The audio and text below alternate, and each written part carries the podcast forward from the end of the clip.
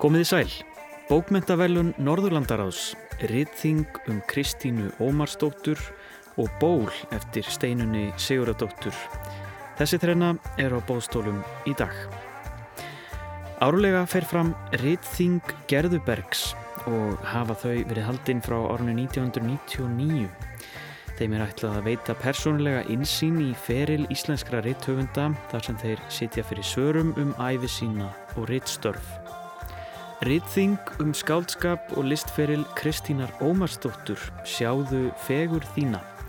Fór fram síðustu helgi í Tjarnarbíó í Reykjavík og við fáum að heyra glefsur úr því um miðbygg þáttar.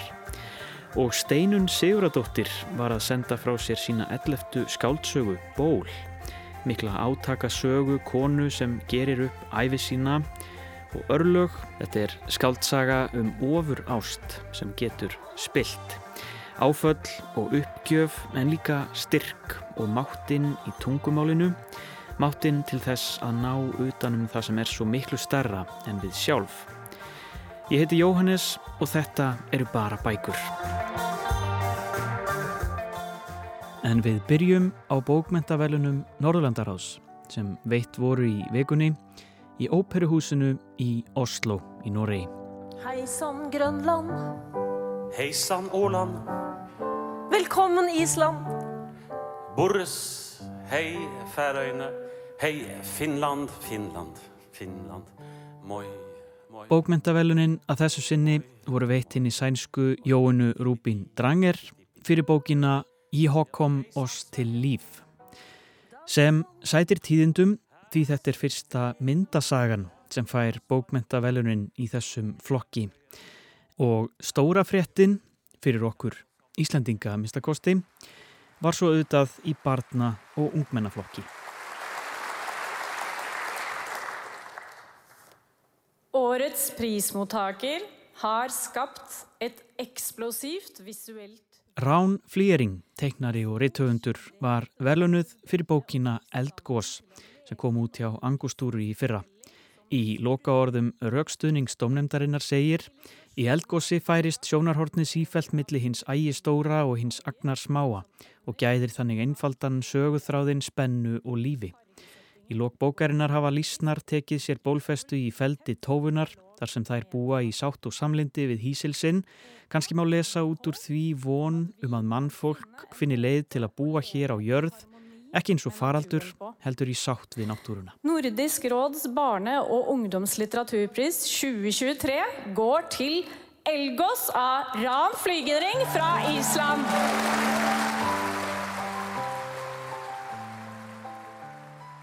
Barna- og ungmennabókmentavelun Norrlandaráðs voru fyrst veitt árið 2013 og er flokkurinn því tíu ára gamall í ár. Þetta er í annarsinn sem Ísland á veluna hafa í þessum flokki en árið 2016 hlaut Arnar Már Artgrímsson velunin fyrir bókina Sölvasaga Unglings. Jeg er så fornøyd fordi at jeg tror det, vi må ha, uansett alder, så må vi ha plass til å le og beundre det at vi bor på en jord som kan liksom plutselig åpne seg og sprute ut ild og nye fjell. Og det er fantastisk. Så tusen takk. Takk til nye fjell. Rán Flýring helt þarna fína ræðu sem var nú hálf kæfið þarna undir lokin með píjánuleik ræður megavist bara vera ákveðið langar í svona prógrami en Rán þakkaði fyrir sig þúsund sinnum, þakkaði fyrir sig miljón sinnum, þakkaði útgefundum, foreldrum, kaffi og súkulaði og nýjum fjöllum sem verða til í eldgósi efni verlauna bókarinnar og þessi þáttur sendir Rán sérstakar kveðjur og hamingi óskir með verlunin.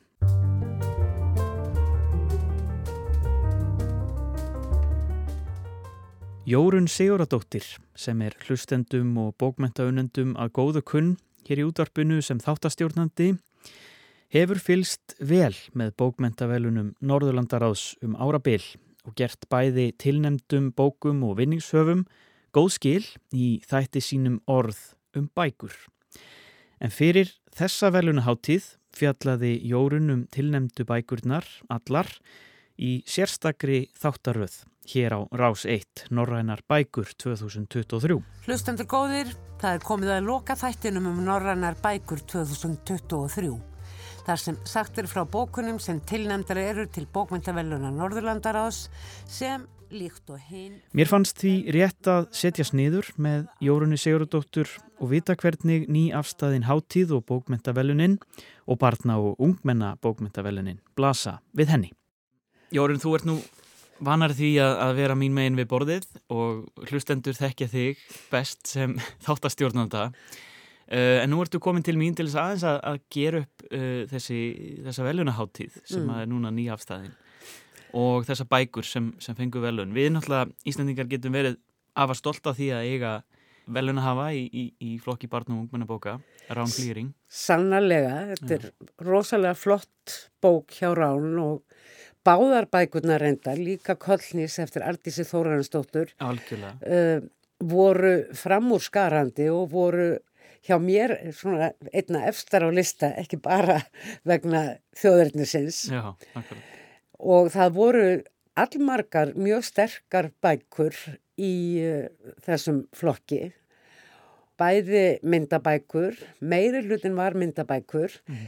uh, ég er daldið höll undir textabækur og mér finnst alltaf sérstaklega áhugavert þegar að höfundum text vel að skrifa fyrir þann aldurshóp batna og úlinga Eh, sem er, krakkar eru líklegastir til þess að hætta að lesa, ná að mm. búa til skemmtilega bækur sem að ætlaðir eru krokkum kannski á aldrinum 9 til 13, 14 ára einhverstaðar á því bíli og það voru nokkrar bækur þarna til dæmis tilnefning álandseyinga, uh, hjartagýrafans er avarstórt ef ég mann rétt er, er titillin, æfintýra skáltsaga mikil mm. um, já, ímislegt um leitað móður og þegar að fadir tekur aðra konu en móðurinn inn á heimilið því að móðurinn er ekki lengur til staðar mm -hmm.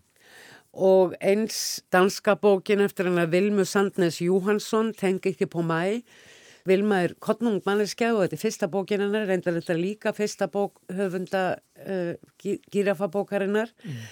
en þetta er sjálfsæfisöguleg bók þar sem að uh, stelpa er að verða kona en samtímis er hún að fylgjast með döðastríði móður sinnar af veldum krabbamins ja. og þetta og það spilar saman í mjög fallega og spennandi úlingsárin og allt sem þeim fylgir mm. og þessi sko hörnun móðurinnar og þessi döðans óvissi tími Já. sem að þarna er til umræðu. En þetta er eins og ég segi í báðum tilvægum fyrstu bækur þannig að kannski eðlilegt að, að það hafa ekki verið til eh, að sjá hvern, hvað það eiga eftir að gera meira þessar ungu skálkonur og, og teknarar. Já. Svo voru þarna líka myndabækur en bókránar er náttúrulega er mikill áhugi á eldgósum Já.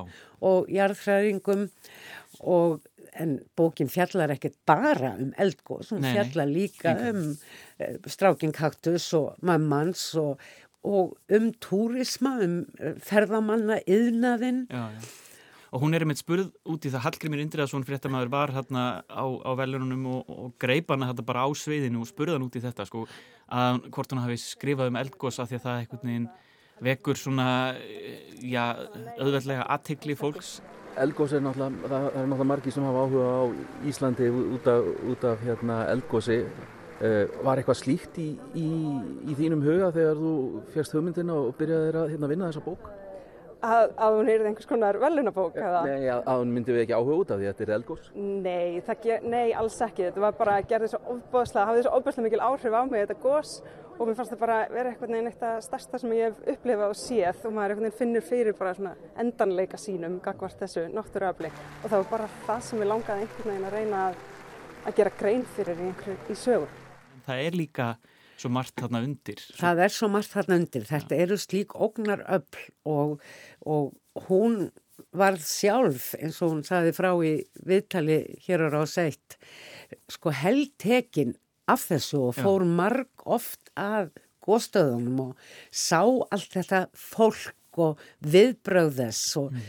og við fáum í rauninni, ég man ekki hvort hún sagði sko að væru, það eru 11 persónum svona úr þessum ferðamannahóp sem eru gegnum gangandi í gegnum alla, alla bókina og, og hægt að lesa þeirra sögu líka um upplifun af gósinu.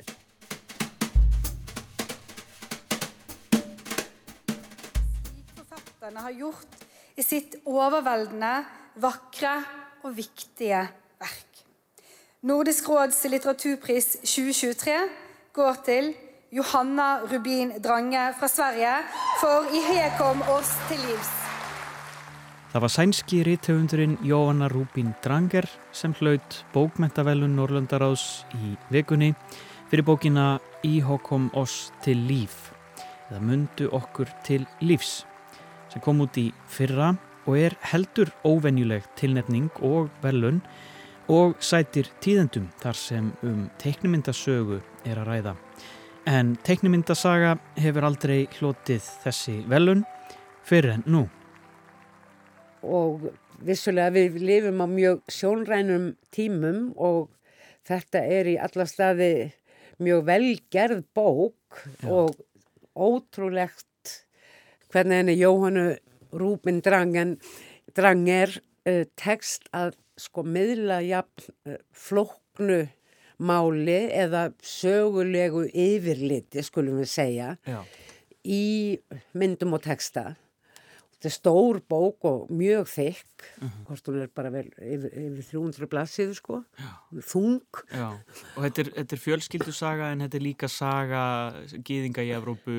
Og, Já, og en um... hún heldur sig mjög þjætt við fjölskyldusöguna. Já og ég eh, hjónu eftir þegar ég fór að skoða hvað, hvernig ég hefði fjallað um þessa bók eh, meðal annara tilnefninga Já. Þá líst ég því yfir að ég fyrðaði mig á tilnefningunni svo lítið og ég verði við ekki ég gerir það ennþá eh, þetta, þetta er frumlegt og eh, og merkilegt, hún er að skrifa mjög persónulega sögu, mm -hmm. hún er að skrifa hún heldur sér sig al, algjörlega við sína ætt mm. og hún er stór og fer víða og það er al, algjörlega hérna réttmætt aðferð og, og mjög góð og dregur uh, þetta mál að okkur að því að þetta er svo personlegt. Já. Hins vegar, hún nefnir það á einum stað að Eh, á einni opnu eru myndir af fólki að gera hrópaðinni að uh, Ísraels menn séu helviti smorðingjar og þeir ættu bara, hún ættu nú bara að flytja til fangaði hún, úr því hún væri geðingur og eitthvað mm. svo leiðis mm -hmm. og fleiri svona gífureyriði sem hún ja. svona aðkast, svona eh, ansemitist aðkast sem hún hefur orðið fyrir og neðst í hodninu og síðan er skrifa mjög eh, svona smá og letri ég hætti að bera Davíðstjörnuna og já, já. Uh, ekkert meira já, já, spáð, spáð í þetta uh, þá uh, er hún sjálfgeft feldökkumanni og eða sem er dökkur á hörund mm. og á þrjú börn þannig að hún hlýtur að hafa þekkja ímislegt í því samhengi að vera öðruvísi fjölskyldanar er það Já. Og ég bjóst eiginlega við að bók sem er skrifuð árið 2022 kæmi eitthvað inn á uh, uh, samhengi samtímans Já. en hún kýs að gera það ekki. Hún ferðast til Ísrael í samhengi bókarinnar og fer á skjálasöfn og hittir fólk og, og allt hvað er. En bókin fjallar um það að gleima. Mm -hmm. Minnist okkar til lífs að við halda þessari minningunni um þessi, þessi hræðilegu örlög, þessar hræðilegu Eh, aðgerðir nazismans á, á, á sínum tíma mm -hmm. og það er mikilvægt, Já. vissulega.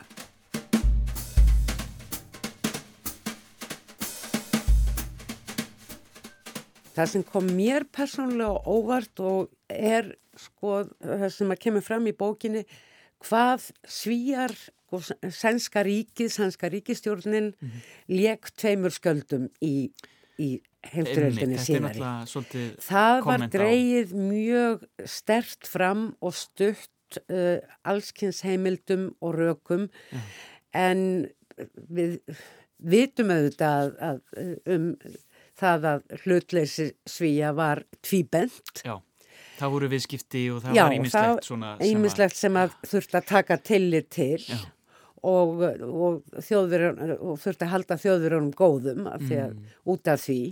Og það ekki. fannst mér eiginlega kannski svona, það, það var nýjast. Ég hafði einhvern veginn, ég vissi þetta en hafði ekki hugsað að uh, svo skarst mm. og það er kannski líka það sem að gerir þessa bók þess virði að, að, að hún fái þessu velum fyrir utan þessa frumlegu aðferð, þessa mm. nýju aðferð sem er kannski ekkit alveg ný en allavega hún, bóka þessum tóa hefur ekki verið tilnæmt áður er þetta að skerpa næmið skerpa næmi okkar fyrir í rauninu öllu óreittlæti því að mm -hmm. hver lesandi hlýtur að vika sjóndeldarringin sem að er opnaður í þessari bók sem er sögulegur hann er innan sögunar, hann er fortíð Já. og mjög lítið kannski örf á skipti eins og ég, ég nefndi áðan með að höfundurinn hefði orðið fyrir aðkasti mm -hmm. en almennt að skerpa næmið fyrir að, eh, að setja spurningamerki gagvart staðalmyndum, mm. staðalmyndum útlits og, og, og svo framvegs. Mm. Og kannski setja átakapunktana í samfélaginu í svolítið starra og betra samhengi. Já, Já. ég held að uh, uh, þú komist ekki hjá því þegar þú lest bókina þá ferða að hugsa um það og kannski þurftu höfundurinn þess vegna ekkert að draga það fram og, tíunda það. Nei. Það, e, það er ekki alltaf, það eru stundum bylinn, það eru stundum eigðurnar, það sem ekki er sagt sem að e, innihalda mikilvægasta bóðskapin.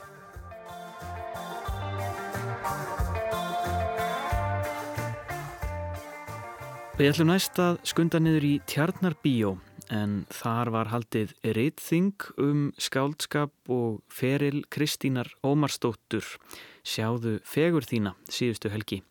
Stjórnandi rýttingsins var Haldur Guðmundsson, bókmyndafræðingur, höfundur og fyrrum útgáustjóri og spyrlar á samt honum voru Jórun Siguradóttir, dagskrákjara kona sem við heyrðum í hér áðan og Ásta Kristín Benediktsdóttir, lektor í íslenskum samtíma bókmyndum. Við skulum heyra stutt brot af samtali þeirra við Kristínu Ómarsdóttur.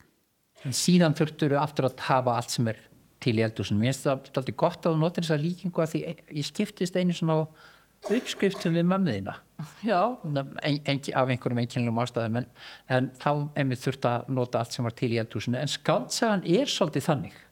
Já, akkurat veist, hún getur tekið ljóð, þú getur tekið leiklut þú getur sett þetta já. allt hana inn. Mm. og ég, það, þú ert að gera það sama í svanafólkinu líka. Já. Það er allt með, er, er það það sem heillar þið mest við svona formið? Skaldsagan vera bara Já, það, það er rosalega óplæður akur líka eitthvað neginn, það er, já, hún ofsalega hérna fristandi form og Það er svona óendanlegur akur. Já, það er eitthvað þannig og líka svo, þetta er svona, eh, þú veist, obsession kannski 2-3 ár. Og svona, svo getur, já, hún er náttúrulega alveg engu líka eða, já, þannig að samt svolítið það er bara að maður er að hugsa um þetta uh, þú veist, þú tekur þetta og þú byrð til ótrúlega heima út úr þessu. En, en samt vitum við að stendur held ég einhverstaðar í svanafólkinu að skrifa er ástand sem ekki verður líst nei, að lifa er ástand sem ekki verður líst með orðum. Já, akkurat, já. það er svanafólkinu. Er, er þetta ekki svona einiða klíman? Jú, þetta er það, algjörlega. Jú, þetta er einmitt Þú ert að reyna að ná utanum eitthvað Já. sem í raun og verður verður aldrei Já, þetta er eins og með þú talar um draumana, þannig að draumar er svona lífið er draumur og svo listin er að hún rammar draumin inn mm. og þá þarf eitthvað form til þess en mm. svo er þetta bara, já en svo er þetta bara draumur svona eitthvað já, svo, já En hefur verið sko það er ekki allir lesendur sem eru hérna hafa kannski þólumæðina til að taka stáfið svona svolítið óræða texta, sérstaklega ekki verið komið skáldsögu sem er óðin 200-400 blassur eða þannig. Já. Hefur þú einhvern tíðan fikið gaggrinni fyrir að vera torræð og, og erfið og skrítin? Uh, já. Hver, hvað, hver er svarað svolítið, hvað hugsaðu? Ég hugsa, sko, ég vil ekki vera torræð, sko. Mm -hmm. Eða hvernig þannig mér finnst einfallegin rosalega fallegur sko. ég elst, já og hérna og svona kannski uppáhaldsbækuna mínar eru bara mjög ólíkar bókunum sem ég skrifa mm. og hérna ég les aldrei fantasíur eða svona, er ekkert mikið og ég er ekkert, já og svo les og hérna er ekkert mikið fyrir dýr í bókum og hérna svona, þannig að hérna en já, ég myndi vilja ekki vera torrið, þannig að það er svona markmiðin Mér finnst þetta svo merkilegt með þína texta. Ég sagði hérna í upphafi að stundum, hérna næði ég ekki sambandi við það og stundum bara fer ég með. Já. En textin sjálfur, orðin, setningarnar, þetta er oft mjög einfalt. Já. En það er svo alltaf þessi skjönun í því sem þú ert að fjalla um aðeins sjó, brengla, ekki brengla, heldur skjönað meira, aðeins á svona skáhald sjónarhótt, ekki þetta Já. sem ég er vöna að sjá, Já.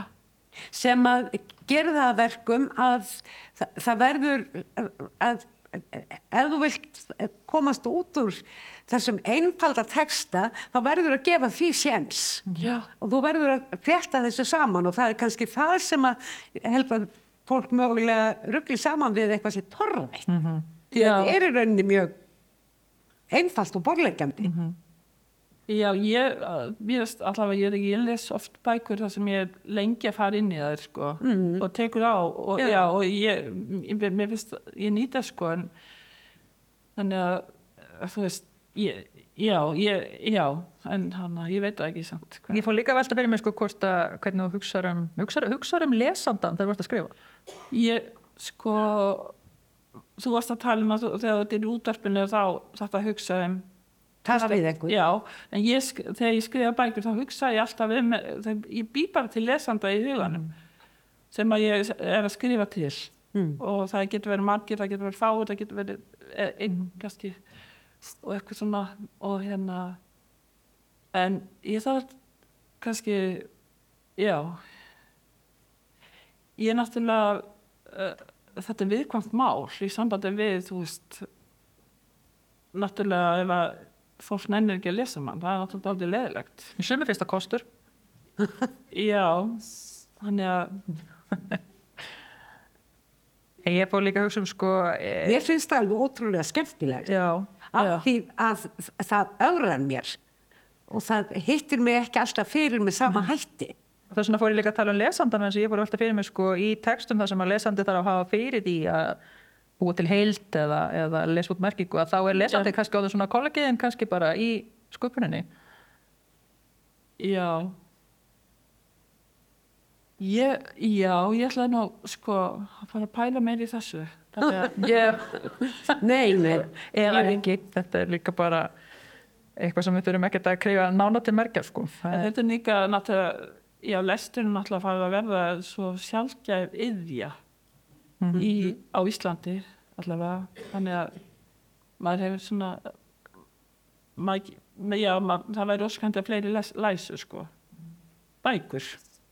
Mm. samanlega því Ég held sko að, að málinn með að eh, lesa þig er að, að þú hérna, leggur ekki í hann og heimtar að skilja þetta allt að því þú ert að búa til úr svo mörgum hlutum, þú hugsa til dæmis ekki personur eins og 19. aldar höfundar gerðu. Það, það geta breyst og það geta mist hausinn og það geta vikslast þvers og krus en svo ertum við aðra hluti sem er eins og beint út úr upphafi skáldsónar til dæmis langa lista af hlutum -hmm. sem kom í millu til dæmis og víðar. Já, já, já, já, já, emmett.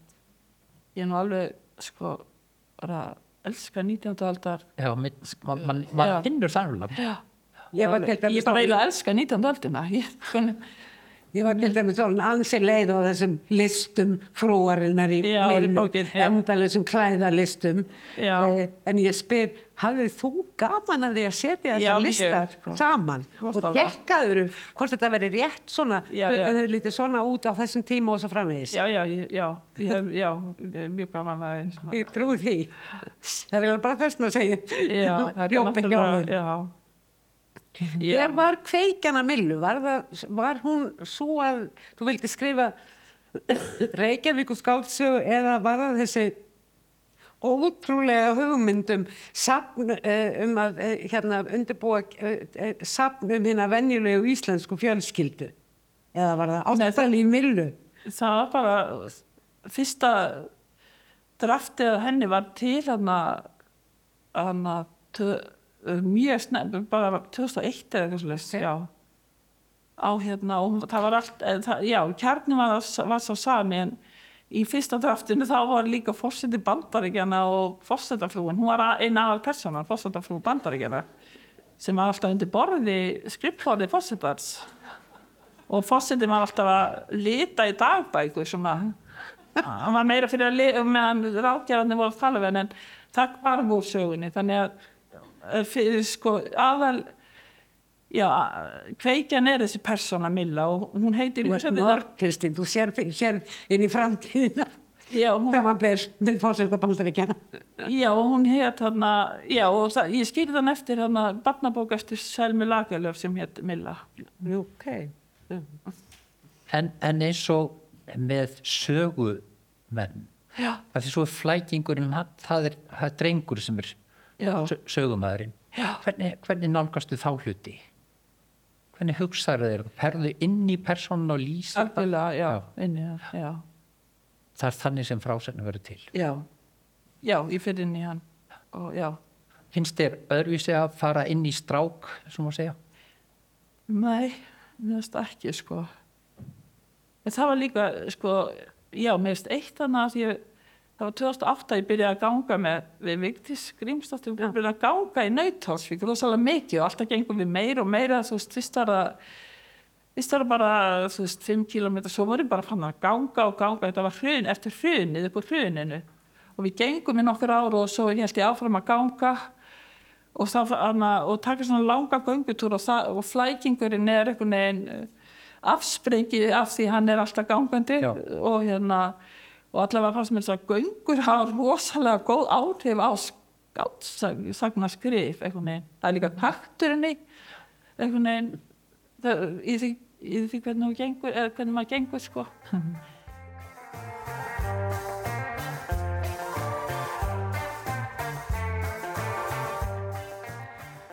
Hér fengum við örlítið bragð af rittþingi um Kristínu Ómarsdóttur, ritthöfund og skáld sem fór fram í Tjarnarbíói síðustu helgi. En rittþingið verður svo flutt í heilsinni á nýjárstag hér á Rás 1.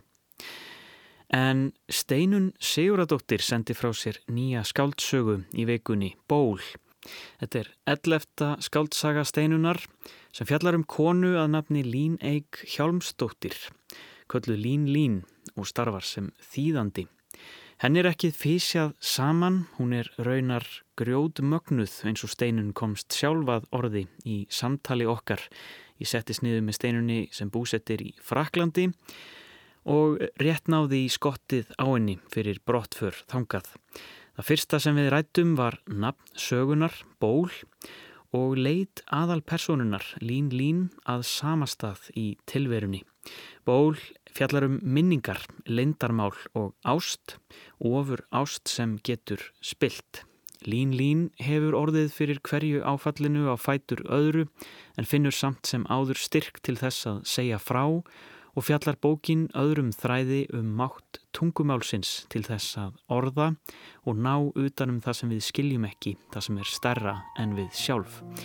Heyrum Steinunni Siguradóttur fyrst lesa upphaf sögunar.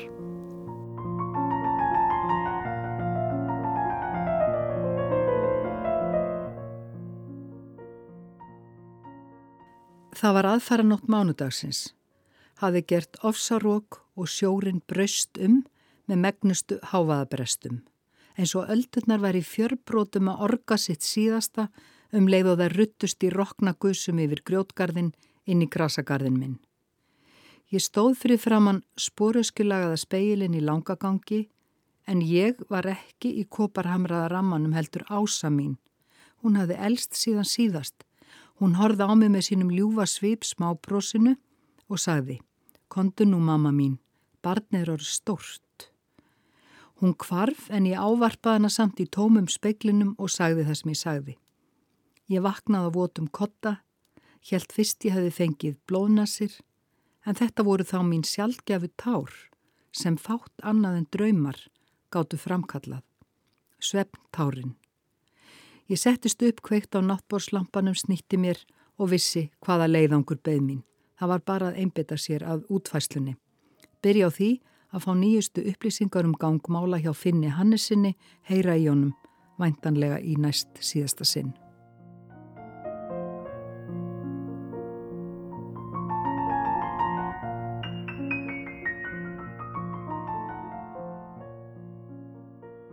Vertu hjartanlega velkomin í þáttinn Steinun Sigurðardóttir til hamingju með þessa nýju skaldsögu, Ból.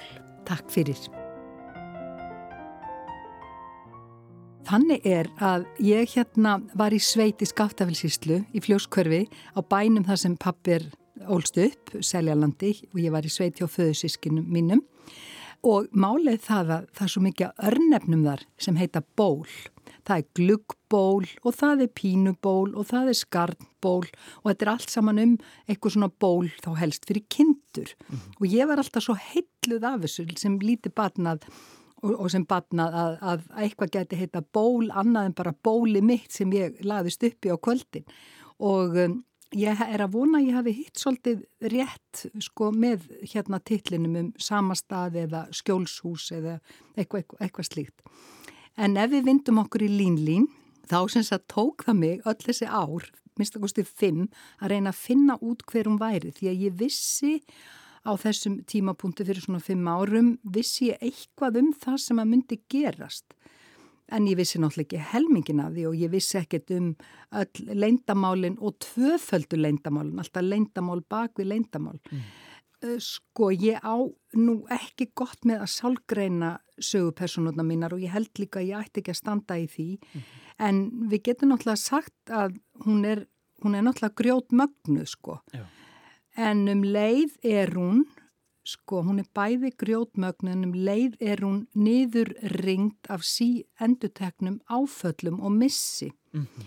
og ég hef mikinn áhuga á því að horfa á fólk sem að verður fyrir illbærilegri og óbærilegri lífsreynsla en hvernig það heldur samt áfram og í hennar tilfelli með tvo perlu vini að bakhjarli sem ja. hún segir bara sjálfa þau hafi nánast gengið inn í föðustad og móðustad. Það eru skúli og þýri. Skúli og þýri mm og Lín Lín hún er náttúrulega einbyrni og einbyrni eru nokkuð sérstakar manngerðir og eins og ég segi í bókinu og held að það sé líka þannig í lífinu að þá er þetta fólk ofta sumuleiti betur gert en þeir sem komu sískinahópi vegna þess að samkeppni sískina um hilli möður, móður og föður mm -hmm. er, það er ban eitra mál þessi samkeppni og hún er svo falin oft að, að hún veldur sko mjög miklum skaða bak við tjöldin og stundum bara alveg ljóst líka sko og kemur sérstaklega upp þegar að,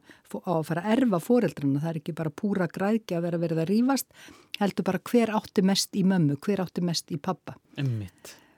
En sko, hún, eins og segir, það, bara, það hefur dönið á þessari mannesku, það er missir, það eru veikindi, það eru allir leindarmál eins og segir sem hún er að burðast með. En ég skinnjaði alveg í gegn alla bókina einhver rosastyrkur og sjálfsörgi í að lýsa því hvernig henni líður að segja okkur frá jafnvel þessum, þessu vali að því hún hefur, telur sig hafa náttúrulega val jafnvel þótt að sé örþrifa ráð þannig að ég skinniði einhvern veginn rosalega styrk að geta lýst þessum hlutum, þessum, þessum atbörðum af svona miklu örgi einhvern veginn Já, já, svo náttúrulega leiði ég mér það sem ég hefur lengi langa til að gera og gerði mér á sumuleiti eftirleikin ljúvar og auðveldari. Ég leifði mér að hafa hana þýðanda. Mér, lang, mér hefur lengi dreymt um að Mhm. hafa sögupersonu, aðalsögupersonu sem er þýðandi. En ég hugsaði með mér, æ, er það ekki bara eitthvað hallarislegt og er það ekki á nálagt í að vera rítöfundur eins og ég er? Og svo sá ég að spænska uppáhaldsskáldum Xavier Marias, hann hafði stundum þýðendur sem aðalpersonur og þá ég segði með mér, já, ok, nú má ég, nú get ég. En sko, það er náttúrulega ótrúlega kvikindislegt bragð af höfundinum að ofan á sko mannraunir sem hún lendir í sem að við eru þekktar eins og veikindi og missir, að þá lendir hún miðja vegu í mannraun sem er gjörsamlega ófyrir séð sem að kannski eiginlega engir í heiminum hafa yfirleitt staðið framifyrir. Og hvað gerir hún þá?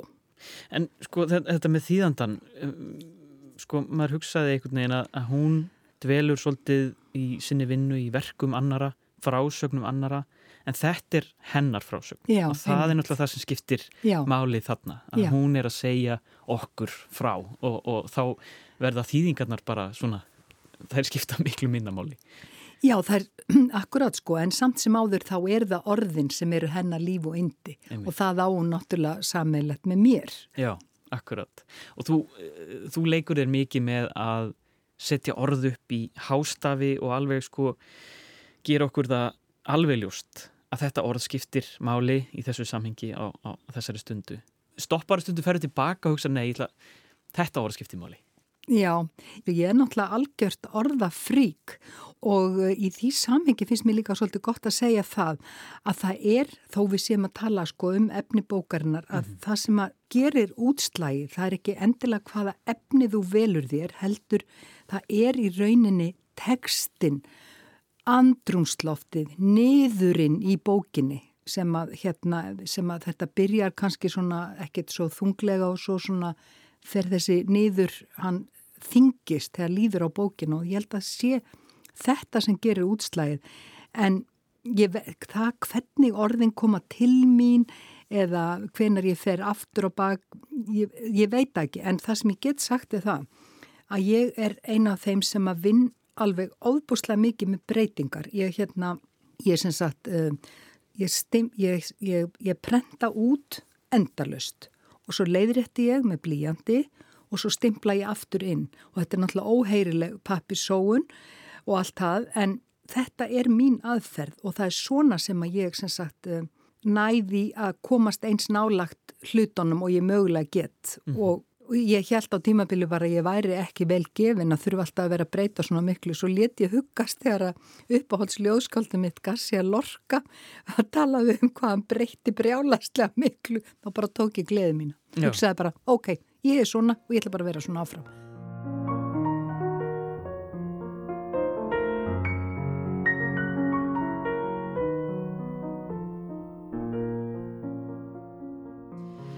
Það er líka í, í frásögn Lín Lín, það er, það er eftirsjá.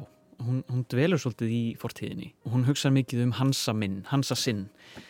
Er, er það einhvern veginn það sem að drífur hann áfram í sína, sínar örlega ríkustu ákvarðanir eða er, er það bara þessi sem áföll sem bara dinja á henni hvað eftir annað? Hún næri ekki að sleppa tökunum. Nei, þetta er náttúrulega einhver leiti samleðar áhrif en það er alveg rétt lesi hjá þér að þegar hún er búin að tala eiga símtal við hérna við frændans og hún er búin að spurja um þennan hérna sína stóru ást frá því mentaskóla sem hún hefur aldrei, hún hefur aldrei sleppt tökunum á honum sem sést best á því að hún skrifar eitthvað um hann þegar hún er í mentaskóla þegar hún sér að þetta allar ekki að ganga upp eins og hún vill að þau hafa aldrei verið saman og muni aldrei verða. Og hún geymir þetta eins og gull í ösku þessi blöð og les þau ekki fyrir alveg bara á síðustu stundu sko. En það er semst þetta símtal við frændans þegar að hann segir henni nýjustu fréttir á honum, hann er enþá með þessari konu, mm enþá giftu konunu sem hann, hérna, sem hann tók saman við bara þarna eftir stúdensprófið og það gengur allt svo vel og það er allt í svo miklu hérna ljóma og sóma og batnabatna á leiðinni og svo framvegs að þetta er náttúrulega eitt af því sem fer með hana og svo líka er það draumur sem hana dreymir og það er þegar hún áttar sig á einhverjum opbóslegum sásöka sem að fylgir tilteknum missi að það er þetta tvent í rauninni sem hrindir henni af stað að hún tekur stóru ákverðunina. Já.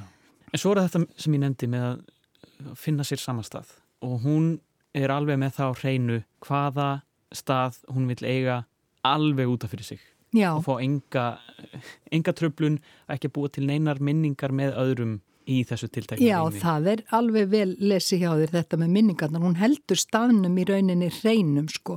Þetta er þessi drauma staður sem að pappinar og mamma byrja að byggja upp á jörðinni þar sem að pappinar er alin upp, jörð sem heitir Forsælu Dalir og hún tekur þátt í þessu uppbyggingastarfi með þeim skóræktinu og öllu. Mm og sem sagt, og hún er í þeim hópi lukkulegra lukkulegra hérna lifenda sem að eiga sér svona stað þar sem að er eins og sálinn hérna búiðar og, og alltaf þessi ótrúlega tillökkun eftir að komast á, á þennan stað. Mm -hmm. sem hún einmitt, sem hún hefur svo, leggur svo miklu áherslu á að hún hafa hann útaf fyrir sig og deila honum ekki með öðrum eftir að fórildrannar eru farnir.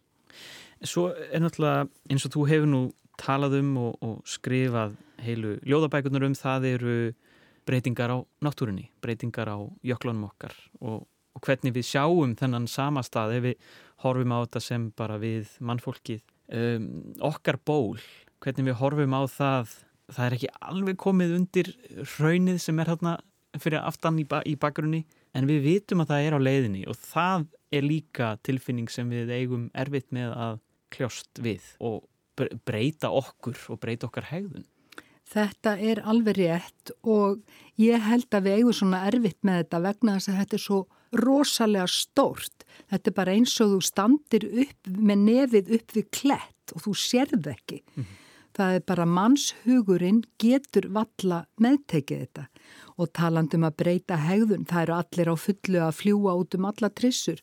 Ég hérna var á rástefna á kirkjubæðuklausturinn daginn og smiðurinn minn og Selfossi var að spyrja mig hvað væri þar í gangi og ég sagði við erum meðlans að fara að tala um sjálfbæra ferðamennsku og þá sagði hann já, alltaf fólk nú að fara að sigla á seglskútum til Íslands því að hann sagði bara, þú veist, ein flugferð, þú getur alveg haft hérna bíliðin í gangi bara frá, frá vöggu til gravar, mm -hmm. það mengar áleika mikið. Þannig að þetta er, og þessi tótn er líka í bókinni. Mm -hmm. Hún, hún Línlín, hún er alin upp af náttúrubörnum og við nótabenni er orðið náttúrubarn, eitthvað orð sem ég held alveg opbúslega mikið upp á og þau eru líka sveitamenn og ég er ekki alveg ókunnu svona fólki, föðusisti mín á Seljalandi, hún var svona mm. heiða mín á ljótastöðun sem ég skrifaði bókinum, var sveitakona, er sveitakona, sveitamanniska og náttúrubarn og til dæmis finna sko fóreldrarinnar, þau finna, þau hafa mjög mikla tilfinningu fyrir landinu og bæði landslæginu og gróðufarinu og þau eru bæði svona landgræslu frík þó að þau starfi ekki beint við það. Mm. Og ég skal segja það þegar ég hlusta kvöldfrettinnar með Ólafi Arnalds um það hvað Ísland er í raun og veru brjálæslega illa leikið. Ég er búin að vita þetta lengi en hann, hann skerti á þessu með hérna nýjum rannsóknarniðurstöðum. Vítis Fimboðdóttir hefur sagt að ástandi á landinu sé þjóðaskömm og ég er sammála því að sko þetta, þetta fléttast þó að ég sé ekki að predika í þessari skáldsögu að þá er þetta svona eina af þessum tilfinningum sem blandast inn í bókina alveg eins og hérna sorginni við því að heima jökullin hennar er að hraðminka mm hún hérna notar orði jökla sorg sem ég er ekki alveg vissum að hafi verið notað áður en mér held að það sé bara ekki vittlust orð. Nei. Og ég var núna að tala einmitt á þessari rástefni sem ég er að vísi við hérna konu sem er þjóðgasvörður á Snæfellsnesi og það stendur í þessari skáldsöguminni ból að Snæfellsjökull verði kannski horfin eftir 50 ár en hún sagði að þetta tegur kannski ekki nema 30 ár.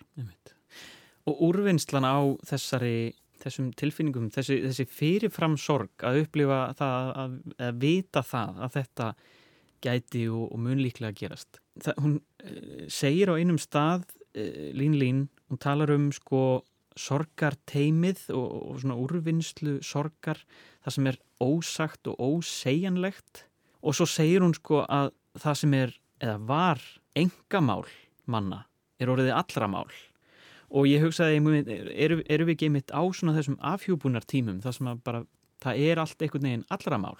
Við, við berum sorgina svolítið á torg. Þetta eru gjör breyttir tímar eins og frá því að ég var alast upp.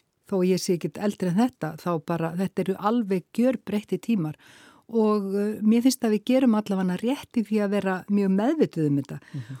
og jafnvel að veltaði fyrir okkur gengur þetta aðeins svo langt. Viljum við, þurfum við að vita svona mikil smáadriði um veikindi annara, um er þetta er þetta á sumuleiti afvegaleiðing, likum við að segja sko.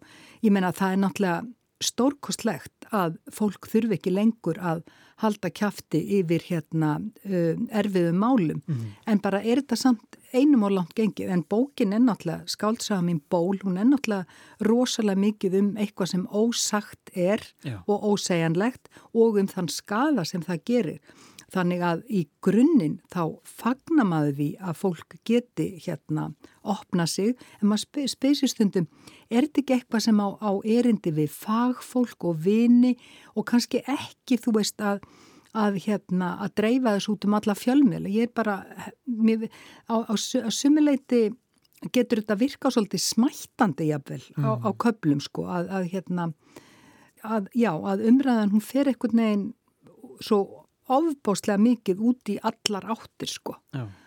En þá komum við líka að lendarmálinu og lendarmálunum og lendarmálinu bakvið lendarmálinu já, eins og þú myndir.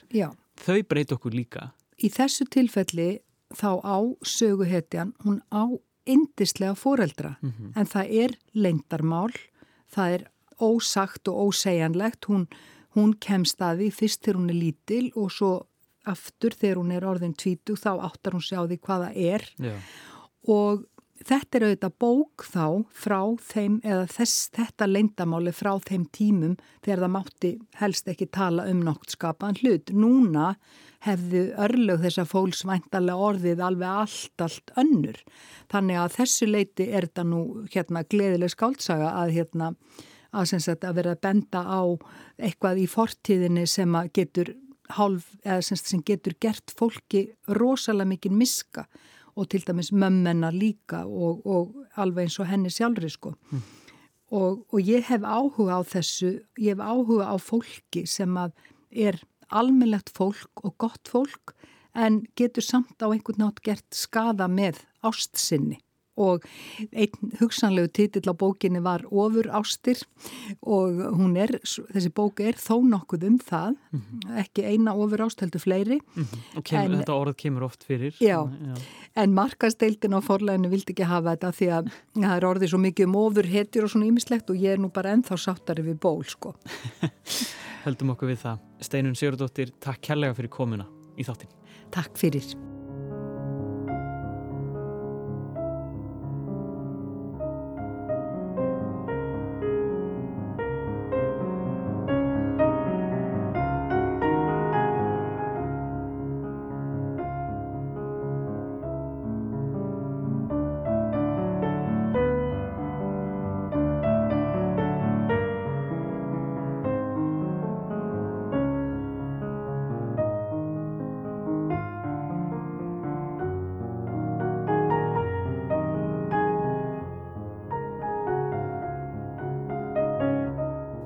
Örlítið brot úr Nocturnu í B-mól, opus 9, nr. 1 eftir Fredrik Chopin. Þessari tónlist bræður aðeins fyrir í spánnýri skáldsögu steinunar Siguradóttur Ból en hún ræti við mig um verkið og það slær botnin í þáttin í dag. Bara bækur verða hér á rás 1 eftir viku en það má hlusta á alla þættina í RÚF appinu Þar má líka finna þættina Norrænar bækur 2023 sem ég mæli heilsugar með að hlustendur gefi eira. En þánga til, við heyrums næst geta hlustendur líka haft samband í gegnum netfang þáttarins bara bækur hjá rúf.is og fylgjast með mér á bókasíðunni Goodreads undir nafninu Bara Jói, þar sem ég deili mínum lestri og hugleðingum. Ég heiti Jóhannes, takk fyrir samfélgina.